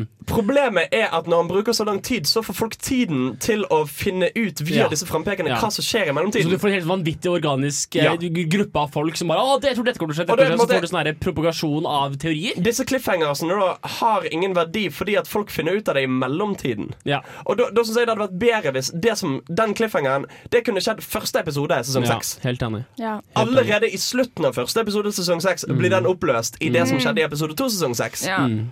Og så kan de bevege seg videre derfra. Ja, men jeg er helt enig, og det er, du- Du nevnte jo det før også, at det, eh, måten det er skrevet på og laget, gjør at folk får veldig god tid til å komme med teorier. Men de har det veldig gøy med det, da. Ja, ja. og, og det er også noe som funker for folka som ikke er så investerte. Jo, men, men, men litt problemet mitt er at når de skal avsløre det vi vet gjennom teoriene Ja, altså den så sånn revealen blir jævlig dårlig. Åh, Det blir se sånn- dette! Bam! Mindfuck! Her. Vi Det- bare, nei, dette har vi visst siden 96. Det blir veldig sånn derre er veldig sånn derre Revenge of Khan Eller Star Ja. Trek Khan-faktor. Ja, ja. Så dette er Khan! Ja, Så- vi så nå vet det. Selvfølgelig er det det. We know. Al- al- altså, nå er det jo mye styre på at de skal avsløre hvem som er foreldrene til Jon Snow. La oss ikke gå videre på det. Alle vet hvem som er til Jo. Nope, jeg har klart å unngå det. Jeg har klart å unngå det. Herregud. Hold deg for ørene. Okay. Nei, Nei, jeg, jeg, Jeg jeg skal ikke komme med noen detaljer, men alle vet hvem som er foreldrene Ja, til Justin. Unntatt meg. Problemet er at nå driver de og teaser så jævlig som det kommer til å være en stor reveal. Ja, okay. Men for veldig mange av fansene så kommer det til å være Å ja, akkurat som vi trodde, altså. Men vet du hva, Da nærmer vi oss nemlig, eh, og det skal være mitt avsluttende poeng på Filmofil, ikke la deg spoile. Ikke se trailere, ikke les masse teorier på Reddit, ikke tenk mens du skriver leser bøkene. Bare unngå Så altså, lukk øynene når du leser bøkene. I, I hear no, nothing, see nothing, smell nothing, speak nothing. Bare ikke la deg spoile, så kommer ditt filmliv og ditt TV-serieliv til å bli så mye bedre. Som en, som en ungfol gjennom en duggfrisk morgengry kommer du til å gå gjennom livet med lette ben og uten hindringer. Jeg er stort sett så- uenig. Det kommer til å bli så bra. Og på den noten skal vi faktisk ta og si uh, farvel og takk. Fordi uh, vi er tom for tid. Klokka er tre på ti. Jeg har allerede latt uh, Dark Side of Paper Trails gå i to minutter i, i, i bakgrunnen. Uh, det fine med Dark Side of Paper Trails, og det er grunnen til at jeg valgte den som siste låt, er at den kan du bare gå inn i når som helst. Det der var en lang, sånn kul introlåt. Helt nydelig. Jeg elsker den låta. Nice. Uh, jeg vil gjerne si takk for at jeg fikk, at jeg fikk være med i Filmofil. Uh, ikke til noen av dere, da, for det var ingen, ingen av dere som, som tok meg opp. Men det ville vært veldig koselig å være Takk for at med. vi har fått lov å være med Ja. deg. Jo, definitivt. Takk til Frida som var med meg å lage den Filmofilen som vi har nå. Og uh, vi ses alle sammen. Det har vært Henrik. Hans? Trine. Jan Markus. Og Frida. Og så får du komme tilbake og høre på disse flotte menneskene til høsten. Yeah. Og hvis du er uh, superheldig, så er det like bra som, som det har vært sammen med dere frem til nå. Og hvem vet, kanskje det blir deg, kjære lytter, som sitter her med oss. Ja. Og du kan da bruke, du kan da bruke kodeordet 'spoiler'. For Litt for sent. for, for å bevise at du har hørt helt til slutten av siste sending. For det er, det er litt creds, da. Altså, hvis, hvis vi spør på intervjuet hva er kodeordet, Da- og, du sier spoiler, Da det er bonuspoeng. Bonuspoeng. Ja, nei, men takk for at du hørte på. Ha en kjempe fin sommer. Ha det bra.